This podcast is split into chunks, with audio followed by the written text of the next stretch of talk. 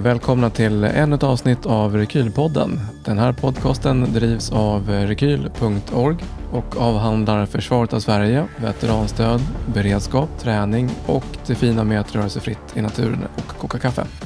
Alright då, i studion idag så är det jag, Jon Svärdagen, eh, som har med mig Oskar Jonsson, doktor i eh, krigsvetenskap Ja. med rysk krigföring som specialitet. Jajamän. Eh, och det är på Försvarshögskolan eh, och även Afghanistan-veteran. Nu aktuell med boken Hotet från Ryssland. Varmt välkommen! Tackar så mycket, kul att vara här. Ja, men det är kul att ha det här. Det här har vi verkligen sett fram emot. Det ska bli grymt kul och reda ut både små och stora pusselbitar här i vårt närområde. Mm. Men du, jag tänker, du börjar ju med att forska i Ryssland redan innan det blev populärt så att säga. Ja. När började det? Ja, men det började egentligen någonstans runt, runt 2011 när jag praktiserade på, på UD. Alltså då var jag väl intresserad av säkerhetspolitik men kanske inte just Ryssland. Utan sen praktiserade jag på OSSE-delegationen i Wien. Och då la jag ett halvår med att liksom följa diplomatiska förhandlingar mellan USA, Ryssland och Europa eh, kopplat till rustningskontroll, europeisk säkerhet, konflikter i forna Sovjetunionen. Och när man satt där och började inse ett par saker, alltså dels Ryssland som det dimensionerande hotet mot svensk säkerhet, men också att det, det fanns någonting där, att de var väldigt skickliga, de var väldigt målmedvetna, de var långsiktiga och de hade en liksom världssyn som var väsensskilt från våran. Ehm, samtidigt som det inte alls var så mycket fokus i, i media kring det, utan då var det Irak, det var Afghanistan, det var arabiska våren. Um, Dmitrij Medvedev var president i Ryssland och man hade ganska bra relationer där. Men ehm, det eh, lockade ändå mig att slå in på den banan. Hur kom det sig? Ja, men det var nog det att, att just så här.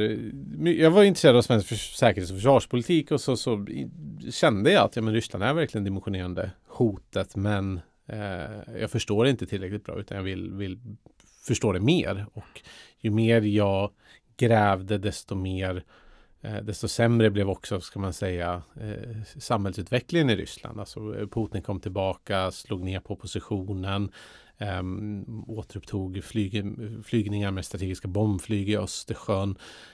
Inklusive då den så kallade ryska påsken mot Sverige och det bara började bli tydligare och tydligare. Även om det var kanske märkbart för de närmast insatta, fortfarande inte för allmänheten, men man såg nya eh, delar. Rustningskontrollen bröt ihop och så vidare. Så att man, man, man kunde ana vart det barkade. Mm. Ja, men lite grann så. Det, var, det skedde under radarn, framförallt när det kommer till svensk media. Där, ja, som du säger, ryska påsk, påsken, den, den dök upp. Mm. Men annars så var det inte så mycket skriverier om det. Nej, verkligen. Det var, det var em, en tid då det, liksom, det fanns Mikael Holmström egentligen bland alla Mm. tidningarna som var säkerhetspolitisk reporter, men det var det. Ehm, och sen så förändras det där till del 2014 efter invasionen av Ukraina. Det var också ubåtsjakten hösten i, i Sverige och så. Och då skedde det i alla fall ett uppvaknande retoriskt, jag kan jag säga. Att våra politiska ledare sa att det var det största brottet mot folkrätten sen kalla kriget. Alltså samma saker som man säger nu. Mm. Men det hände inte jättemycket i handling. Man stoppade neddragningen av försvaret och tillsköt lite extra pengar. Eh, Men det tog till 2019 innan försvarsanslaget ökade som andel av BNP. Mm. Ja men exakt. Och sen så börjar man se lite konturer av var det barkade iväg också lite senare, kanske runt 2021. Mm. Men även då var det relativt tyst i media om det. Ja, det När tog... började du se att det liksom tog fart? Ja, nej men jag, nå- någonstans oktober, november ehm, så började jag se, alltså det var ju så här, Ryssland genomförde en uppbyggnad våren 2021 som fick lite genomslag, inte så mycket i svensk media, men internationell media. Men där man, man kunde se att nej, det var ingen invasion. Och det slutade i ett, ett Putin-Biden-toppmöte i Genève i, i, juni som såg som okej, men nu lägger vi ner och går hem. Men det var ju första skedet i uppbyggnaden som sen drog igång igen på allvar i oktober någon gång. Eh, och där i november så kunde man ju följa liksom förband från hela Ryssland sattes upp på gränsen. Eh, och jag tror att egentligen i början av december så började det bli liksom verkliga första nyheter i Sverige.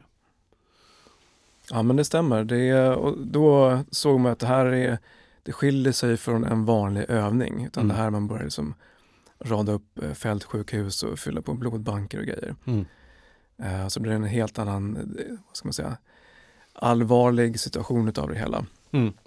Jo men exakt och där kunde man ju se, det var inte bara en militär uppbyggnad utan det var ju också eh, enorm intensifiering i cyberattacker. Det var en politisk uppbyggnad. Man gjorde liksom utspel i december om, om att liksom tvinga NATO att egentligen avveckla sig och, och, och dra sig tillbaka från hela Östeuropa för att liksom, det som låg latent för att undvika ett krig.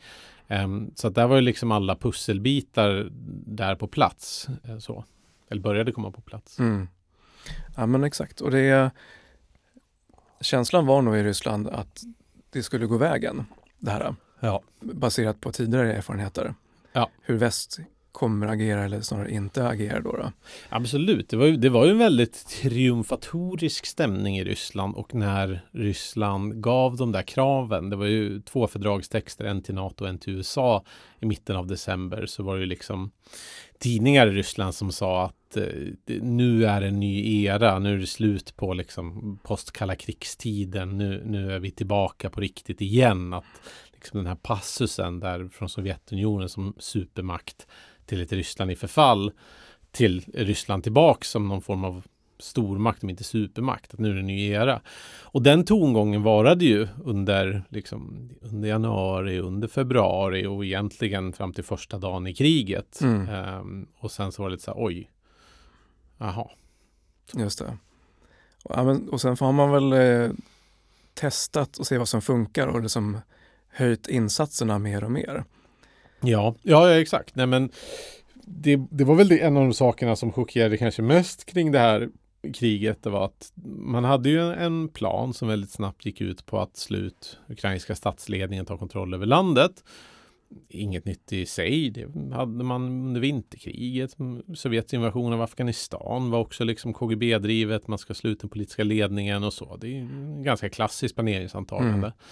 Men när det inte funkade så hade man verkligen ingen plan B, utan man stod och trampade vatten ganska länge. Man omringade ju Kiev tre av fyra riktningar. Um, men um, tog egentligen stopp där och efter en månad så, så drog man tillbaka hela den anfallsaxeln.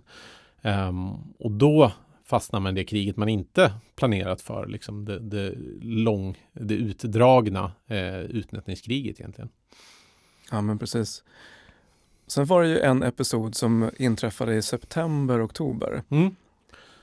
Ja, precis. Nej, men, och, och, då när man inte kunde ta Kiev gick man över på egentligen liksom utnötningskrig. Framförallt artilleri, smula allt man kunde med marken. Eh, och, eh, men redan då var det uppenbart att man led av liksom, personalbrist. Eh, och sen så i september så kunde inte Putin egentligen prokrastinera något mer. Ehm, personalproblemen var jättetydliga redan liksom första veckorna. Men han höll på beslutet om mobilisering för att det skulle komma med en politisk kostnad. Och i september genomförde en mobilisering och eh, formellt inkorporerade fyra ukrainska regioner i den ryska federationen utan att ha kontroll på dem. Samtidigt som ehm, eh, Ukraina då genomförde motoffensiv dels i Charkiv jättetunna linjer, tappat område liksom, lika stort som Skåne ungefär på ett par dagar.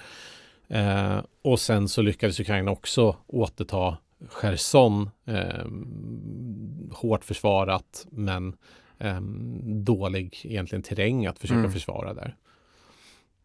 Vad innebär egentligen för Rysslands styrförmåga det här att man, man nu så hårt går in och mobiliserar mm. och annekterar och införlivar, åtminstone enligt deras egen agenda då, då in i Ryssland, de här fyra regionerna? Ja, men det, det, betyder, det betyder ganska många olika saker. Men det första är den här inkorporeringen av regionerna. Eh, var ett högt vågspel. Putin satte sig och sa att vi kommer försvara ryskt territorium med alla tillgängliga medel. Det är ett dolt kärnvapenhot. det här är på allvar, alltså, vilket man sällan behöver säga när man verkligen menar det på allvar om man inte har trovärdighetsbrist. Men eh, Ukraina fortsatte sin motoffensiv och tog tillbaka Cherson utan kärnvapen och då. Så att det urholkar ju lite trovärdigheten i, i kärnvapenhotet. Det urholkar också trovärdigheten eh, när man inkorporerar regioner man inte har kontroll över.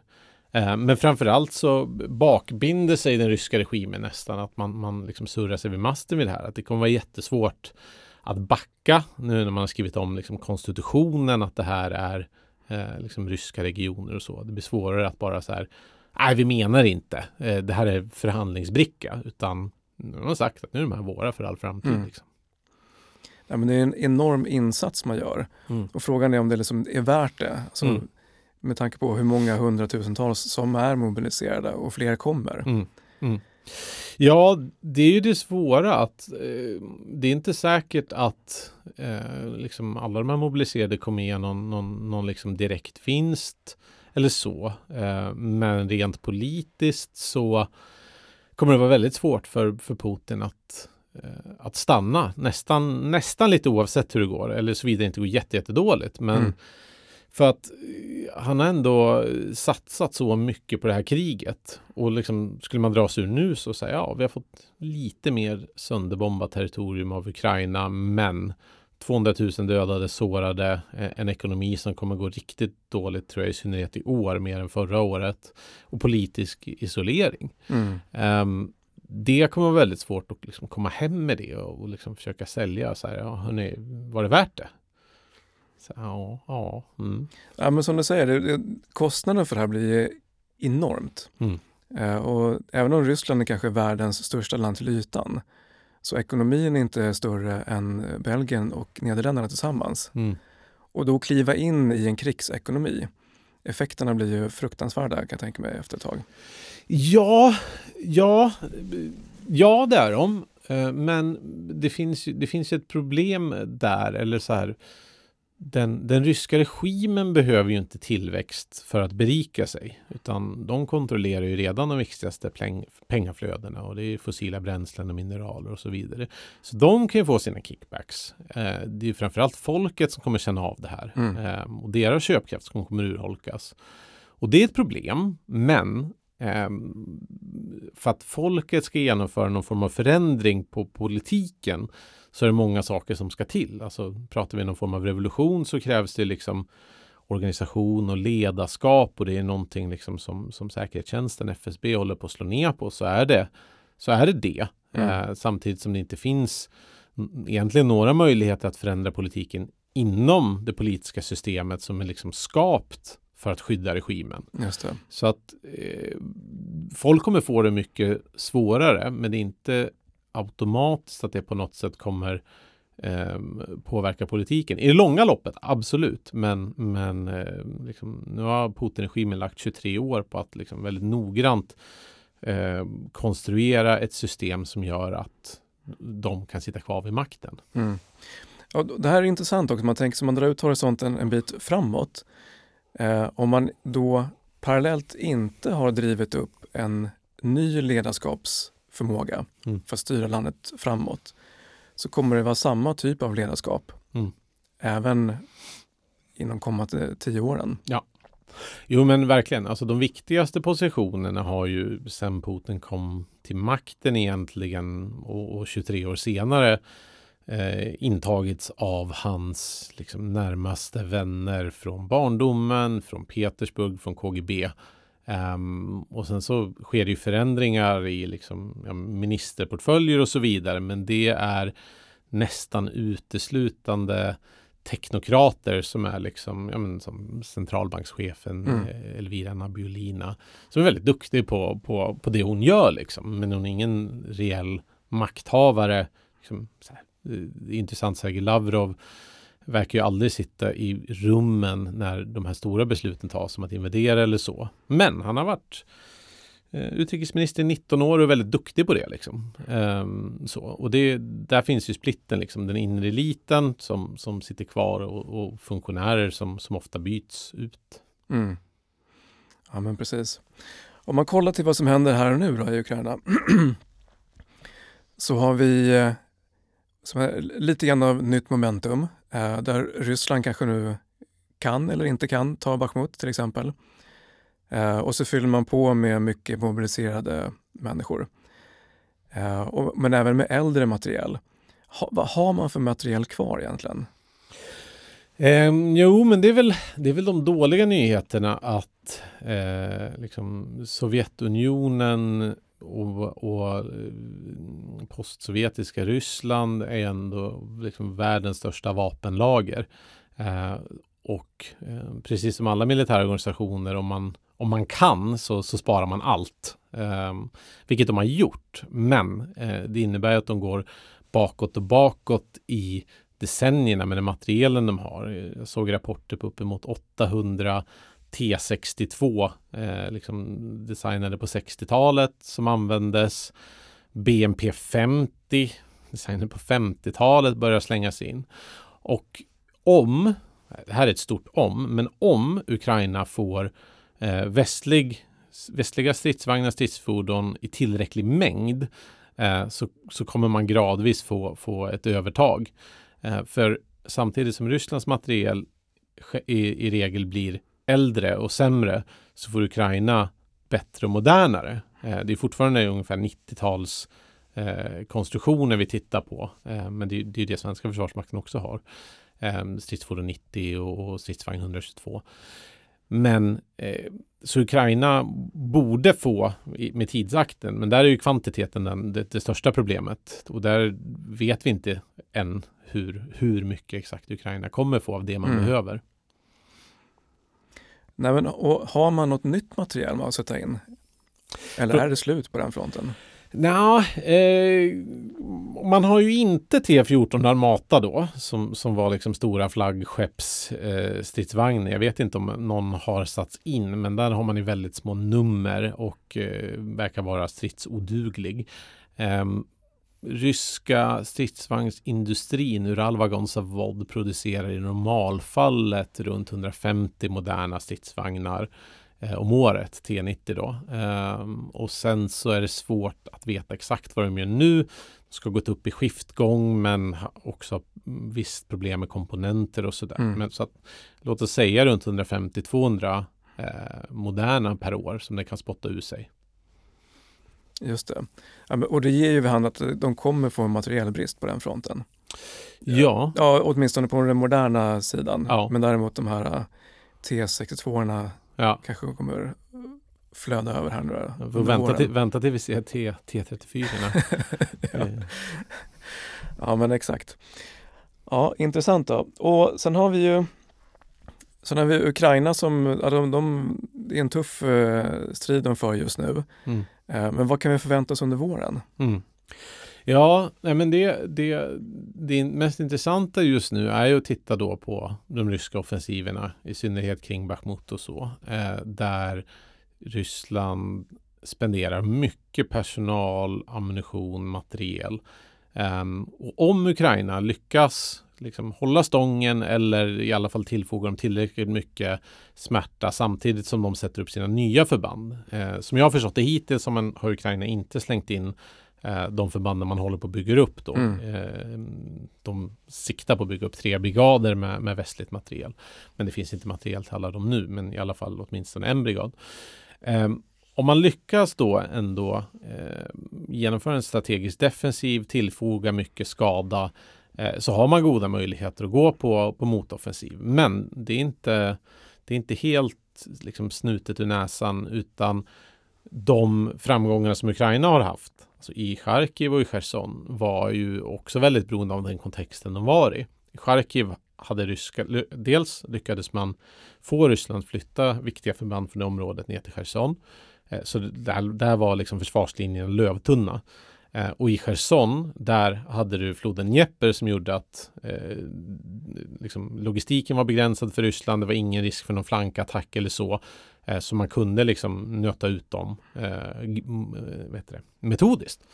Medan det är inte säkert att det går att eh, liksom upprepa det på samma sätt. Eh, från ryska sidan så har man byggt, man har byggt väldigt mycket värn, lagt ut stridsvagnshinder och så vidare.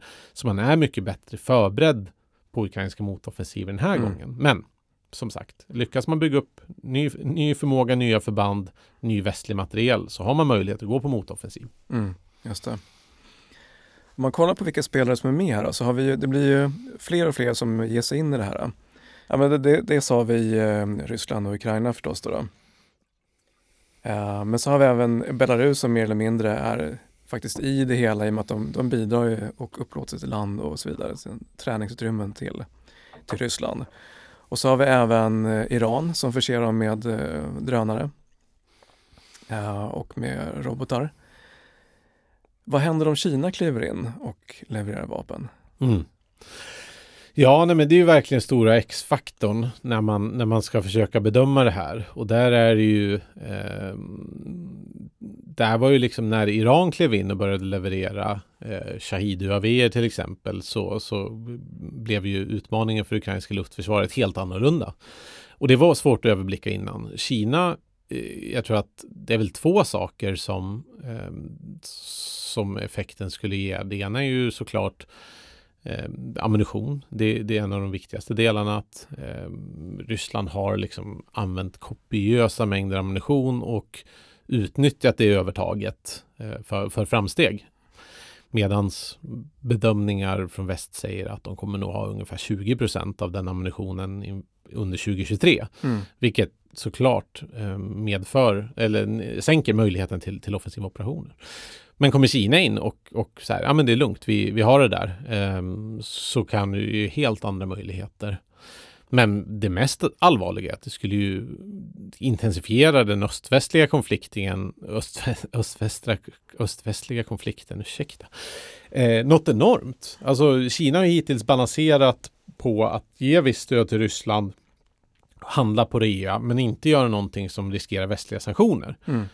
Um, och skulle väst hamna i ett sanktionskrig med Kina så skulle det ha enorma påverkningar på den internationella ekonomin. Uh, som redan är liksom svajig som den är med inflation och recession och så vidare.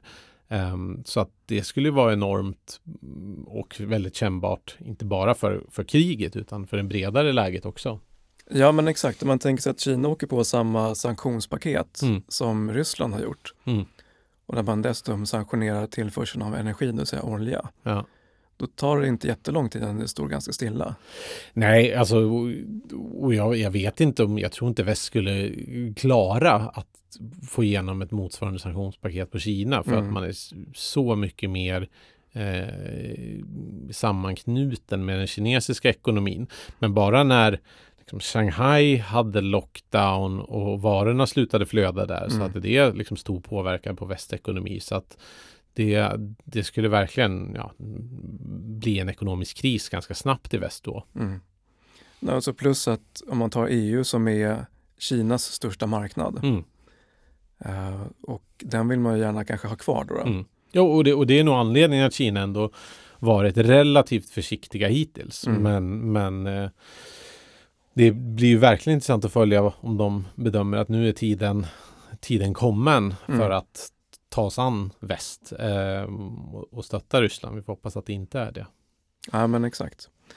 Om man blickar lite grann mot Sverige här då. Mm. Vi har ju verkligen vaknat upp eh, ur en törnrosa sömn här och eh, hastigt eh, backat in i NATO, eller håller på att backa in i NATO. Och en vacker dag kanske det går igenom då. då. Mm. Men vad står vi inför egentligen? Alltså det är ju det är ganska rejäla problem. Mm. Även om, det ska ju sägas också, det finns ju inget så här akut som händer här och nu Mm. i, i form av landstigningar och sånt där, eller luftlandsättningar. För den förmågan finns inte just nu. Eh, men vad står vi egentligen inför? Mm. Nej, men vi, vi, vi står inför ett allvarligare säkerhetspolitiskt läge än på länge. Alltså, ryska ledare är ganska uttryckliga med att de upplever sig vara i en princip existentiell konflikt med väst. Ehm, det tar sig dagligdags uttryck eh, på ett gäng icke-militära eh, medel och operationer mot väst. Inkluderar cyberattacker, underrättelseoperationer, informationsoperationer och så. Vilket gör att, uh, och, och, sen så får vi lägga till att många av de sakerna som vi har tänkt ska verka återhållande på Ryssland, alltså sanktioner eller politisk isolering, det, det är ju borta. Mm. Um, så att tröskeln att genomföra icke-militära operationer mot, mot, liksom, mot EU och mot Sverige är ju mycket lägre. Uh, och så, så här, bara för att ta ett hypotetiskt exempel, men skulle liksom ryska hackers lyckas slå ut det svenska energisystemet eh, så är det inte säkert att det skulle bli några extra sanktioner på Ryssland för det. För nu har liksom redan EU-väst antagit så mycket man kan liksom. Mm. Eh, så.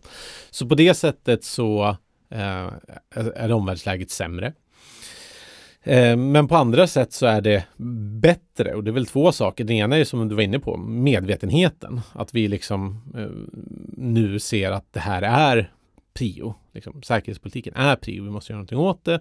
Och det andra är för rysk del så har man ändå försvagat två av sina absolut viktigaste instrument. Det är de väpnade styrkorna som liksom, eh, där slänger man in allt i Ukraina. Ehm, men också energiinstrumentet, att EU har nästan till 100% diversifierat sig från ryska fossila bränslen, vilket har varit en väldigt viktig del ehm, för ryskt inflytande. Ehm, så det vi står inför eh, i vissa delar så har vi ett, ett, ett ehm, man kan kalla det ett andrum om man vill kopplat till de, de större säkerhetspolitiska kriserna men samtidigt som ett intensifierat läge med icke-militära operationer. Ehm, men framför allt så har vi eh, vad ska man säga, vi måste ta, ta tag i, i säkerhetspolitiken nu i, i det läget vi har och utnyttja det andrummet. Um, för det är, inte, det är inte säkert hur länge det varar. Nej men exakt som du säger, de är upptagna här, här och nu i Ukraina. Men de, det pågår ju samtidigt aktiviteter som är icke-militära på alla fronter här egentligen. Och det är väl liksom över hela väst. Ja. Är det, jag tänker så här, vad är det som kan avskräcka Ryssland från att använda hela spektrat ännu mera? Mm, det är en väldigt bra fråga. Ehm, det där med avskräckning är ju någonting som eh, jag skulle säga att vi i väst ofta har liksom brustit med. Bara ta ett exempel och det är ju under eh, amerikanska presidentvalet 2016 så sa ju Obama, stirrade Putin in i ögonen så sa han lägg ner det där. Um, vilket de ryska underrättelsetjänsterna inte gjorde utan de, de, de fortsatte och förstärkte sina påverkansoperationer. Och det var ett avskräckningsproblem. Man lyckades inte säga låt bli det där eller annars. Mm. Um, och att avskräcka icke-militära operationer är Ehm, det är olika från operation till operation så att det, allt kommer inte gå att avskräcka. Vi kommer inte liksom, någonsin tror jag avskräcka den ryska regimen från att producera informationsoperationer eller propaganda eller så, utan där någonstans måste man eh, ha tydliga röda linjer kring vad är liksom big enough. Men, men hela kokar ju ner till eller annars, alltså vad har man att hota och avskräcka med? Mm. Um, och det är svårt i det här läget med tanke på att liksom, så många sanktioner är antagna och det är redan eh, liksom, det, det, finns inte så mycket kvar att rädda. Det finns ja, en del västliga företag kvar i, i Ryssland och så, men, men eh, det är snarare eh, så här, avskräcka det mest storskaliga. Det har vi faktiskt lyckats inom NATO och inom EU. Ryssland har aldrig invaderat något NATO eller EU-land. Sen kan, får man ju fundera på hur troligt var det från första början. Men ändå, det har, det har lyckats. Mm. Medans avskräcka eh, icke-militära operationer i mindre skala, det är svårt. Mm. Ja, det är också svårare att ta på. Mm. Slår man ut energisystemet till exempel, mm. det är ju en sak, den blir högst kännbar. Mm. Det blir som ett militärt anfall i princip. Eh, men som du säger, de här informations och eh, propagandaoperationerna, de är väldigt lätt att komma undan med och bara fortsätta med. Och det kanske bara förhålla sig till att de kommer att fortsätta. Mm. Jo men det tror jag. Alltså så här, industrispionage till exempel, ja, men det har ju varit, det har varit en, en realitet i, i decennier mm. och, det, och det, får vi, det får vi räkna med. Det, det, där får vi bara härda vårt försvar. Mm. Ja men det är så spelet spelas så att säga. Mm. Det, det, finns ju klart det finns spelregler men det är eh, just den biten att försöka komma över fiendens eller motståndarens eh, olika kunskaper och mm. planer och så vidare. Det är ju någonting som är som fundamentalt i både eh, diplomatin och mm. även i lite mer mm. spionorganisationerna såklart. Mm. Mm. Om vi nu tänker så att vi en vacker dag är med i NATO, hur påverkar det vårt försvar? Ja, nej men det på två sätt. Alltså, NATO är världens genom historien starkaste militära allians. Ehm, så, så att det, det skyddet som finns när det är stadfäst att, att hela alliansen kommer att rädda den är ju, är ju enormt. Det är därför Ryssland också har lagt mycket tid och kraft på att eh, länder inte ska gå med i NATO. Mm. Sen rent praktiskt så, så innebär det ju eh, en möjlighet för oss att tänka om lite hur, hur vi ska försvara oss. Alltså tidigare så har ju planeringsantagandet varit att vi kan inte lita på att någon annan kommer. Vi måste fundera på att göra allting själv, vilket har gett liksom, en försvarsinriktning. Medan om planeringsantagandet är vi ska vara relevanta i en regional kontext, vi kan jobba med andra, eh, så, så, så får man ju liksom andra svar på det. Om man spekulerar lite fritt så är det så här, ja men våra stridsvagnar kanske är mer nytta i Finland eller i Baltikum medan deras stridsflyg kanske är mer nytta i Sverige där det finns lite strategiskt djup. Um, och sen så den tredje aspekten är också så här ganska liksom triviala saker, stordriftsfördelar på stridsvagnsverkstäder och ammunitionsproduktion och sånt där. Så att jag tror att, jag tror att det finns mycket eh, mycket man kan, liksom, eller ja, till slut få möjligheten att börja planera gemensamt på ett sätt vi inte riktigt gjort tidigare. Nej, men för om eh, Sverige och Finland går med så blir ju Östersjön ett NATO-innanhav mm. i princip, som mm. NATO helt kan dominera. Ja, Ja, exakt. Och det, och det blir det ju i princip även om, om, om, Sverige inte går med i NATO men Turkiet släpper in Finland. Mm. Så har vi ju, eh, det är dåligt för Sveriges möjligheter att gå med i NATO och det kan vara en historisk öppning som inte dyker upp igen. Det beror ju på presidentvalet i USA framför allt. Um, men det är ju bra för vår säkerhet i termer av att då har vi NATO mellan oss eh, och Ryssland. Mm. På vilket sätt skulle presidentvalet i USA påverka? Nej, men det, jag tycker det, det måste vara nästa planeringshorisont för det svenska försvaret. Alltså januari 2025 så har vi en ny president i USA. Eh, ja, om inte Biden blir omvald. Och förra mandatperioden för Trump så eh, ryktades ju att han ville dra ut USA ur NATO. Och NATO utan USA är inte speciellt mycket. Mm. Alltså rapporter från brittiska tankesmedjor säger att de hade en veckas eh, åtgång av artillerigranater i den takt Ukraina använder av. Um, och det ser inte bättre ut bland de andra europeiska staterna. Så att um, försvaret, det militära försvaret av Europa är väldigt beroende av USA. Jag tänker det här borde också vara av högsta vikt för Rysslands planering. Ja, ja gud ja, det är klart det. Så att i och med att eh, USA har varit den absolut största bidragsgivaren till Ukraina mm.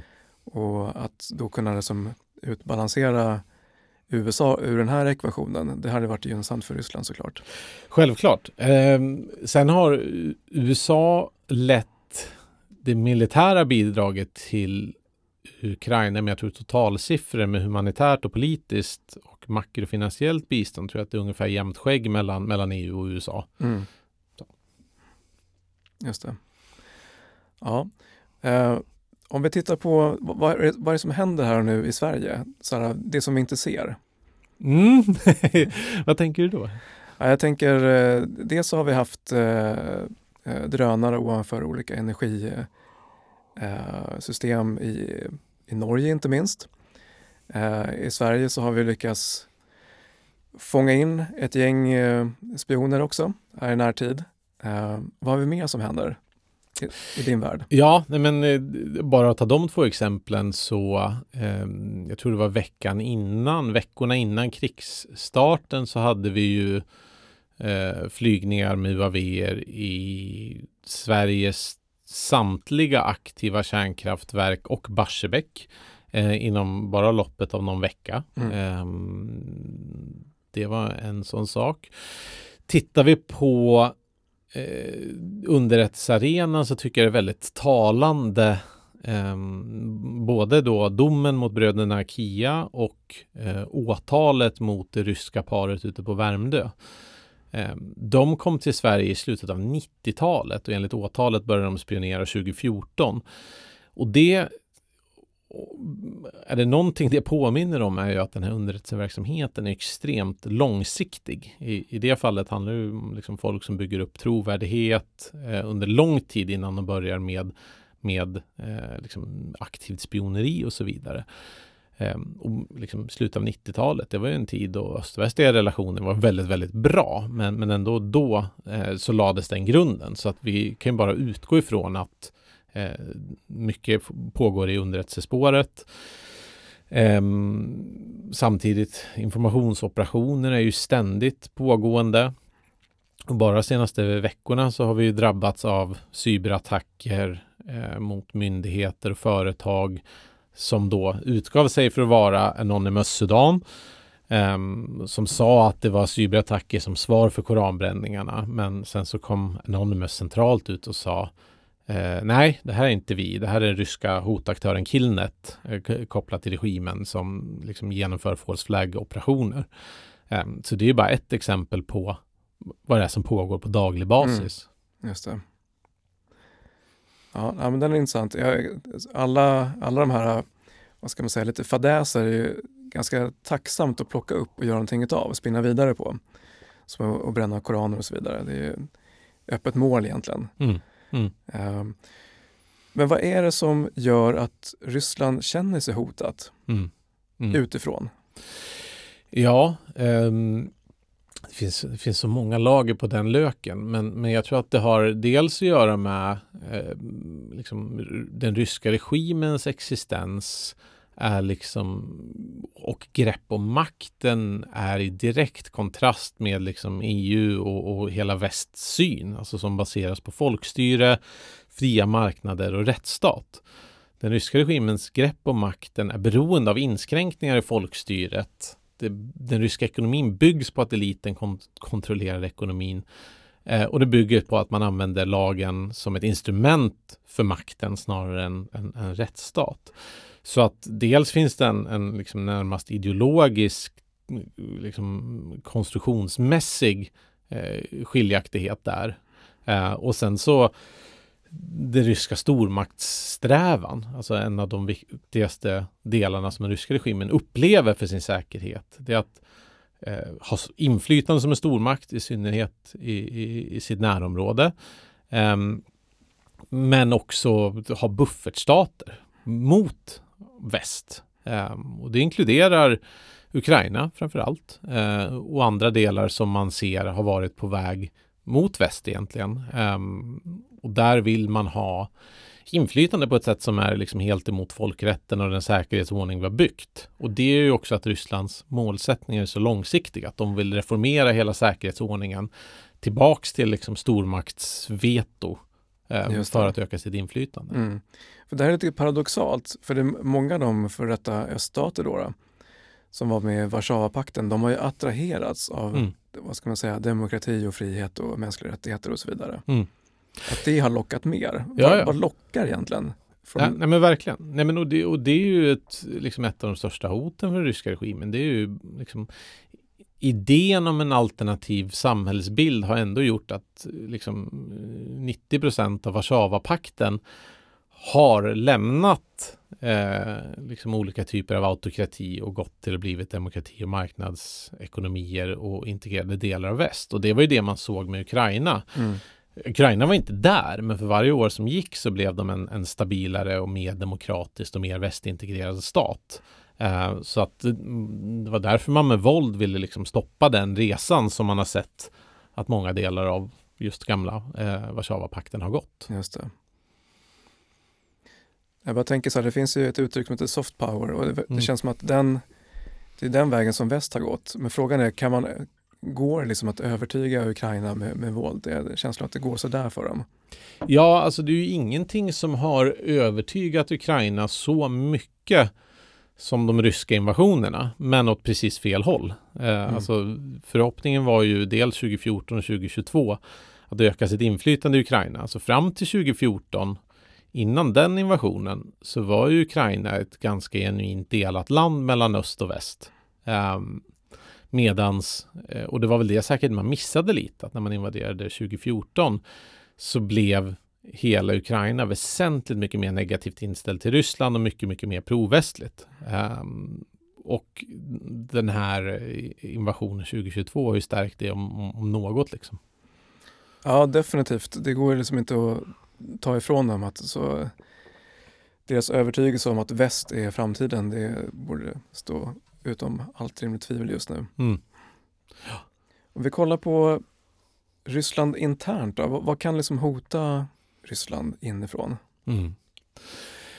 Ja, nej men där finns det ju å, å ena sidan eh, som jag var inne på så har du ju en, en regim som har liksom lagt 23 år på sig att fundera på hur bygger vi ett system som är resilient mot folklig eh, missnöje och eh, intraelitmissnöje. Så att det är ganska noggrant designat för att hantera det man står inför nu. Samtidigt så är ju det här den absolut största utmaningen som Putin-regimen har ställt sig själva inför. Um, vilket gör att eh, det kommer bli värre. Alltså folk kommer tappa köpkraft, arbetstillfällen och eh, sina liv i kriget. Som, som gör att liksom, problemen för regimen kommer att, kommer att fortsätta öka. Um, i det långa loppet så, så är det klart att Putin-regimen kommer falla, men, men sen är frågan hur länge då? Ja, alltså Sovjetunionen levde i 70 år Mm. um, på en väldigt repressiv samhällsmodell med knackig ekonomi i synnerhet de sista decennierna. Um, så att det vill jag inte spekulera om hur, hur lång tid det tar. Nej, som du säger, de har liksom designat hela inrikessystemet för att hålla vid liv det här. Mm. Inte minst genom intern propaganda också Mm, mm. och inte ha fria medier. Exakt. Nej, då det, där finns ju en, en, en enorm kontroll över traditionell media och eh, gradvis sedan 2014 men ordentligt sedan 2022 eh, så börjar man försöka utsträcka den mer och mer till, till sociala medier och internet också där, där det ändå funnits möjlighet till, till friare åsiktsbildning. Mm. Ja, det är någon sån här galen mix av både hybris och offerkofta. Mm. Mm. Ja, men det, det, det finns verkligen den där paradoxen att å ena sidan så har Ryssland ett överlägsenhetskomplex, i synnerhet mot Ukraina, men att, men att de är liksom eh, den enda civilisationen och de kommer besegra allt. Samtidigt så, eh, så finns det en sån enorm uppfattning om svaghet, att det lurar en västlig kupp bakom varje hörn som kan få, få allt att falla. Mm. Um, och, men det som gör det mest sannolikt att regimen faller är ju deras egna handlingar. Liksom. Ja, rimligtvis. Sen har vi ju vi har andra spelare runt omkring. Vi har ju länder som ligger liksom i alla stanländer Mm. som ligger eh, söder och öster om, Mm. eh, framförallt sydöst om Ryssland. Vad är det som händer där? Mm. Ja, men om vi, om vi eh, går igenom eh, Centralasiens säkerhetshistoria de senaste decennierna så har det egentligen gått ut på att eh, Ryssland har sett kinesisk ekonomisk kraft komma, vilket man har försökt mota genom att eh, liksom tvinga in de här staterna i en tullunion med Ryssland, vilket man använt genom sin liksom, säkerhetspolitiska styrka, militära styrka. Eh, medans eh, jag tror att det här kriget urholkar den strategin i termer av att det, det att vara i en tullunion med Ryssland eh, liksom, kommer inte vara lika attraktivt längre samtidigt som Kina blir eh, relativt sett mycket, mycket starkare ekonomiskt än vad man var eh, för ett år sedan. Um, och det Kina gör just nu det är ju att liksom, handlar allt de kan på rea på den ryska marknaden. Liksom, kinesiska ambassadören till Moskva säger rakt ut, hörni, nu drar alla västliga företag sig tillbaka, det här är ert, liksom. bara, bara in och, och handla allt. Um, så att rent ekonomiskt så, så bedömer jag att eh, liksom Centralasien har goda möjligheter att bli mycket närmare knutet till, till Kina i det här skeendet. Mm. Eh, sen har det ju uppstått eh, vissa eh, importmarknader som är väldigt, väldigt lukrativa, framförallt Kazakstan och Georgien där, där liksom sanktionerade västliga varor köps in i drivor och sen så körs det in i, i Ryssland. Ja men precis, och de, de, har säkert lärt sig av Iran också som har också varit framgångsrika att kringgå sanktioner. Mm, mm. Jo men verkligen. Där, alltså, vi får minnas att Sovjetunionen levde med exportkontroll under decennier. Um, så att bland annat de ryska underrättelsetjänsterna har ju haft det eh, uppdraget länge att komma över eh, sanktionerad teknologi och sätta upp hemliga supply chains. Mm. Värdekedjor heter på svenska. Um, och samtidigt eh, så, eh, eller ja, ja och, sen, och sen så jobba med vänligt sinnade länder, Georgien, Kazakstan till exempel. Just det. Hur vänligt sinnade är egentligen Georgien? Eh, ja, det är en bra fråga. Eh, Georgien var ju Ehm, 2008 invaderat av Ryssland. Då var det extremt starkt motstånd med Ryssland. Sen har det väl skett lite utveckling i den georgiska inrikespolitiken där bland annat eh, eh, Bidvina Ivanishvili tog makten egentligen bakom, han, han höll i trådarna, inte frontfigur, på en mycket mer ryss samarbetsvänlig plattform. Så jag tror att man har mycket bättre relationer nu man har med Ryssland än vad man hade 2008. Men jag tror att rent folkligt så är det nog ingen, är det ingen liksom på något sätt genuin proryskhet. Men Nej, bättre samarbetsläge ska jag säga på statlig nivå nu än på, på ganska länge. Just det. Sen har vi även Azerbajdzjan och Armenien som ligger där och eh, vad ska jag säga, småputtrar lite grann också. Mm. Kan, kan det vara en faktor som kan falla ut vid något tillfälle? Ja, eh, jag träffade en eh, aserisk tankesmedjechef för någon månad sedan.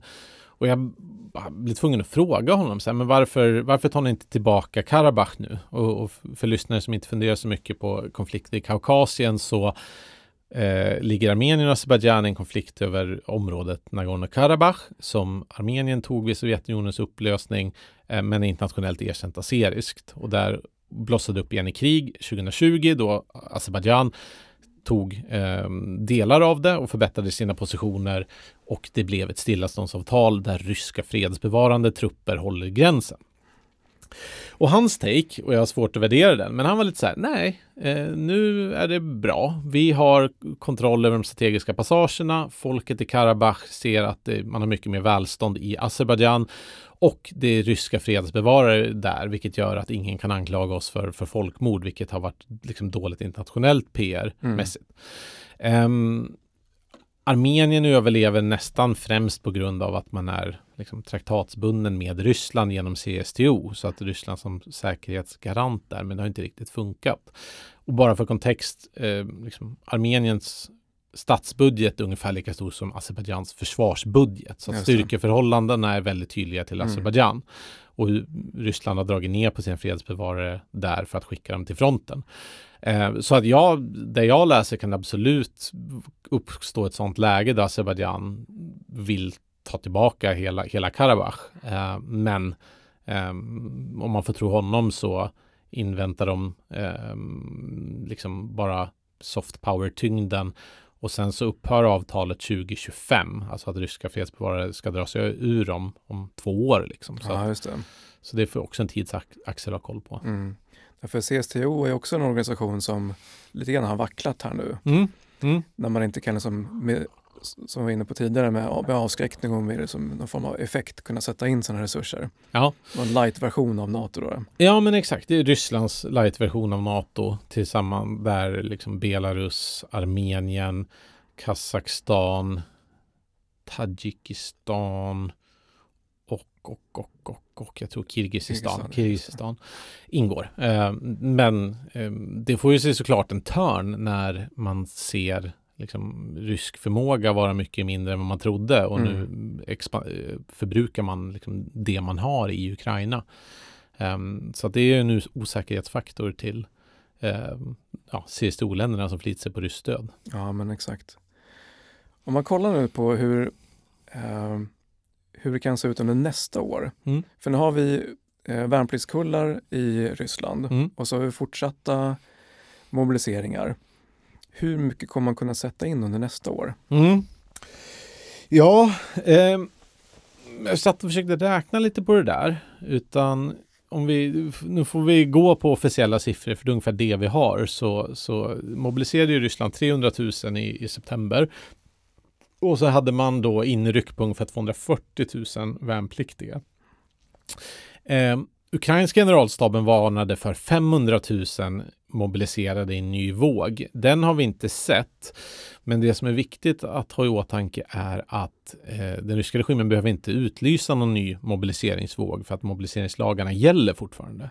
Så att eh, av det som verkar döma så verkar snarare vara en, en, pågående rullande mobilisering snarare än en stor hej nu, nu kallar vi upp 500 000 av förklarliga skäl för att bedömt en miljon ryska män lämnade efter man annonserade mobilisering. Så, så att eh, jag tror att man kommer göra det man kan för att försöka få de värnpliktiga att ta kontrakt, vare sig det är med pengar eller med hot, eh, samtidigt som smygmobilisering fortsätter. Och räcker inte det, ja men då kommer man att göra en, en, en stor drive liksom. Mm. Um, nu så skulle jag säga att det ändå verkar ha skiftat lite, för Ryssland var ju problemet förut.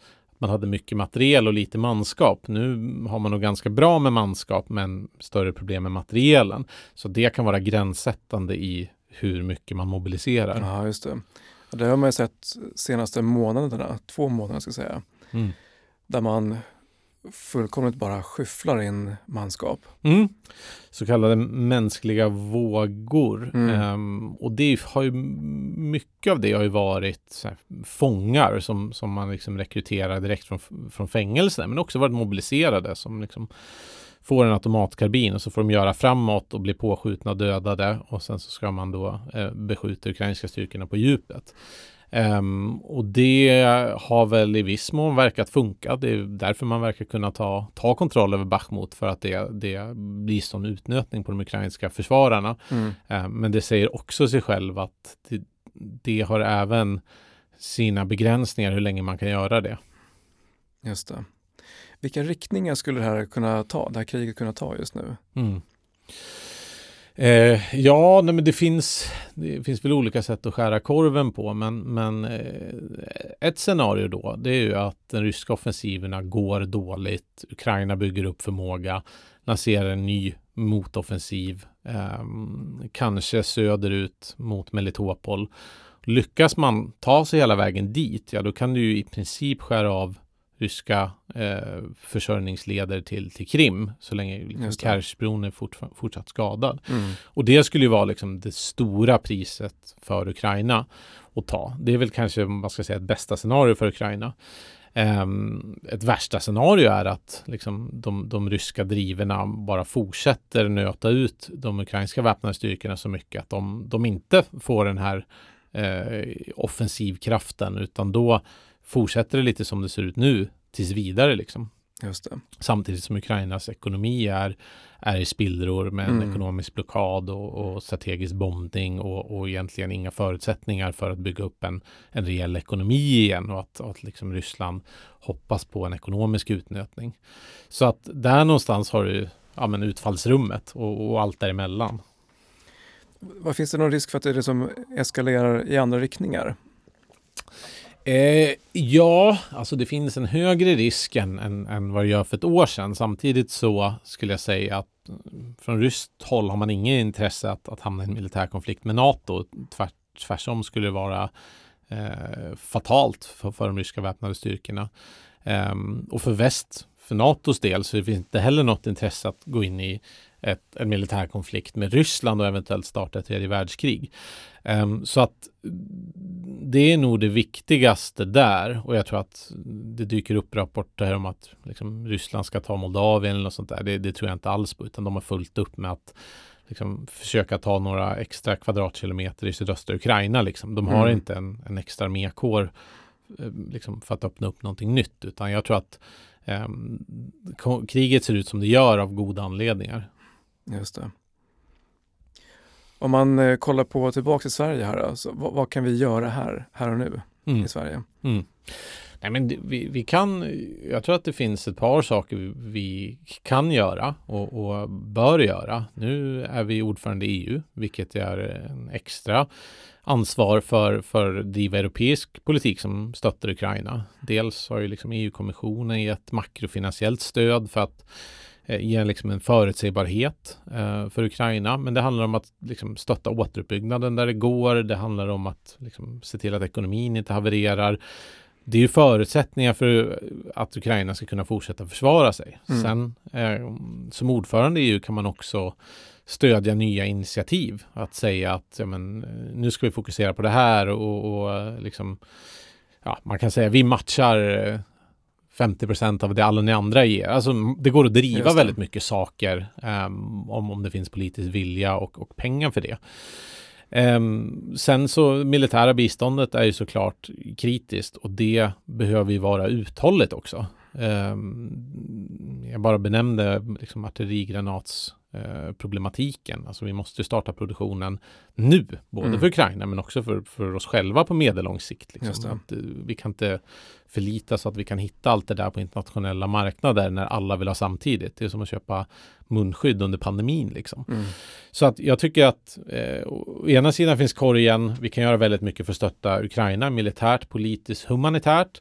Men sen så behöver liksom, förstärkningen av svenska militära och civila försvaret starta nu eh, med närmaste planeringshorisont januari 2025.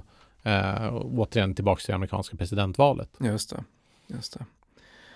Ja, spännande. Det börjar bli dags att runda av, men innan vi rundar av helt här. Eh, Topp fem ryska militära fiaskon? oh, Topp fem? Ja, men eh, utan, eller, utan inbördesordning eller med inbördesordning? Ja, utan. ja, men jag tycker andra Tjetjenienkriget, eller förlåt, första Tjetjenienkriget såklart. Eh, det är riktigt dåligt. Sovjets invasion av Afghanistan. Eh, tio år eh, rakt, rakt ner i, i där. Eh, finska vinterkriget får ändå ses. Eh, och finska vinterkriget är ju, påminner ju så mycket om eh, kriget idag. Så då måste jag säga det också. Eh, alltså, det kommer definitivt på topplistan. Sen får vi se hur det slutar, om det kommer ta första platsen eller inte. Men, men krig mot Ukraina 2022 Eh, definitivt också. Och sen så kanske rysk-japanska kriget. Ja. Kanske, ja. kanske första världskriget. Ja, ja. Där har vi listan. Där har vi listan. Får ja. fundera lite. Också. Ja, absolut. Tack så jättemycket. Du, du har ju en bok också som heter Hotet från Ryssland. Just det. Ja. Så vi tar och eh, länka till den såklart, mm. Eh, så folk kan konsumera. Den är verkligen läsvärd, enkel att läsa, bra, bra nyttigt att läsa för alla skulle jag säga. Mm. Härligt. Ja. Det var syftet, förhoppningen. Ja, jag förstår det. Hur snabbt, hur lång tid tog det att skriva den här? Mm, det tog, i, i rent fysiskt skrivande så skrev jag den mellan i princip augusti och november. Men eh, det var också, boken är ju mycket av en syntes av liksom tio års plus arbete med Ryssland. Så att så här, men någonstans har jag föreläst, föreläst om rysk cyberkrigföring och jag vet vad jag vill säga om hur jag tycker att den fungerar. Jag vet vilka fall jag vill använda och så vidare. Så att jag hade inte kunnat skrivit någon annan bok på sån kort tid, men mycket av tankarna har ju legat där och, och bryggt under många år. Liksom. Mm. Så att eh, antingen tre månader eller tio år plus liksom, det. Ha, tog det ja. att skriva den här boken. Ja, men perfekt. Stort tack Oskar. Mm. Ja. Tackar. Tack, tack. Kul att vara här. Passa på att eh, prenumerera på podden och tveka inte att ge den betyg. Det här gör det enklare för andra att hitta hit. Eh, länkarna från avsnittet hittar du i show notes och oss på Rekyl hittar du på rekyl.org. Och till sist, se till att öka din handlingsfrihet genom att ge dig ut och träna. Tja!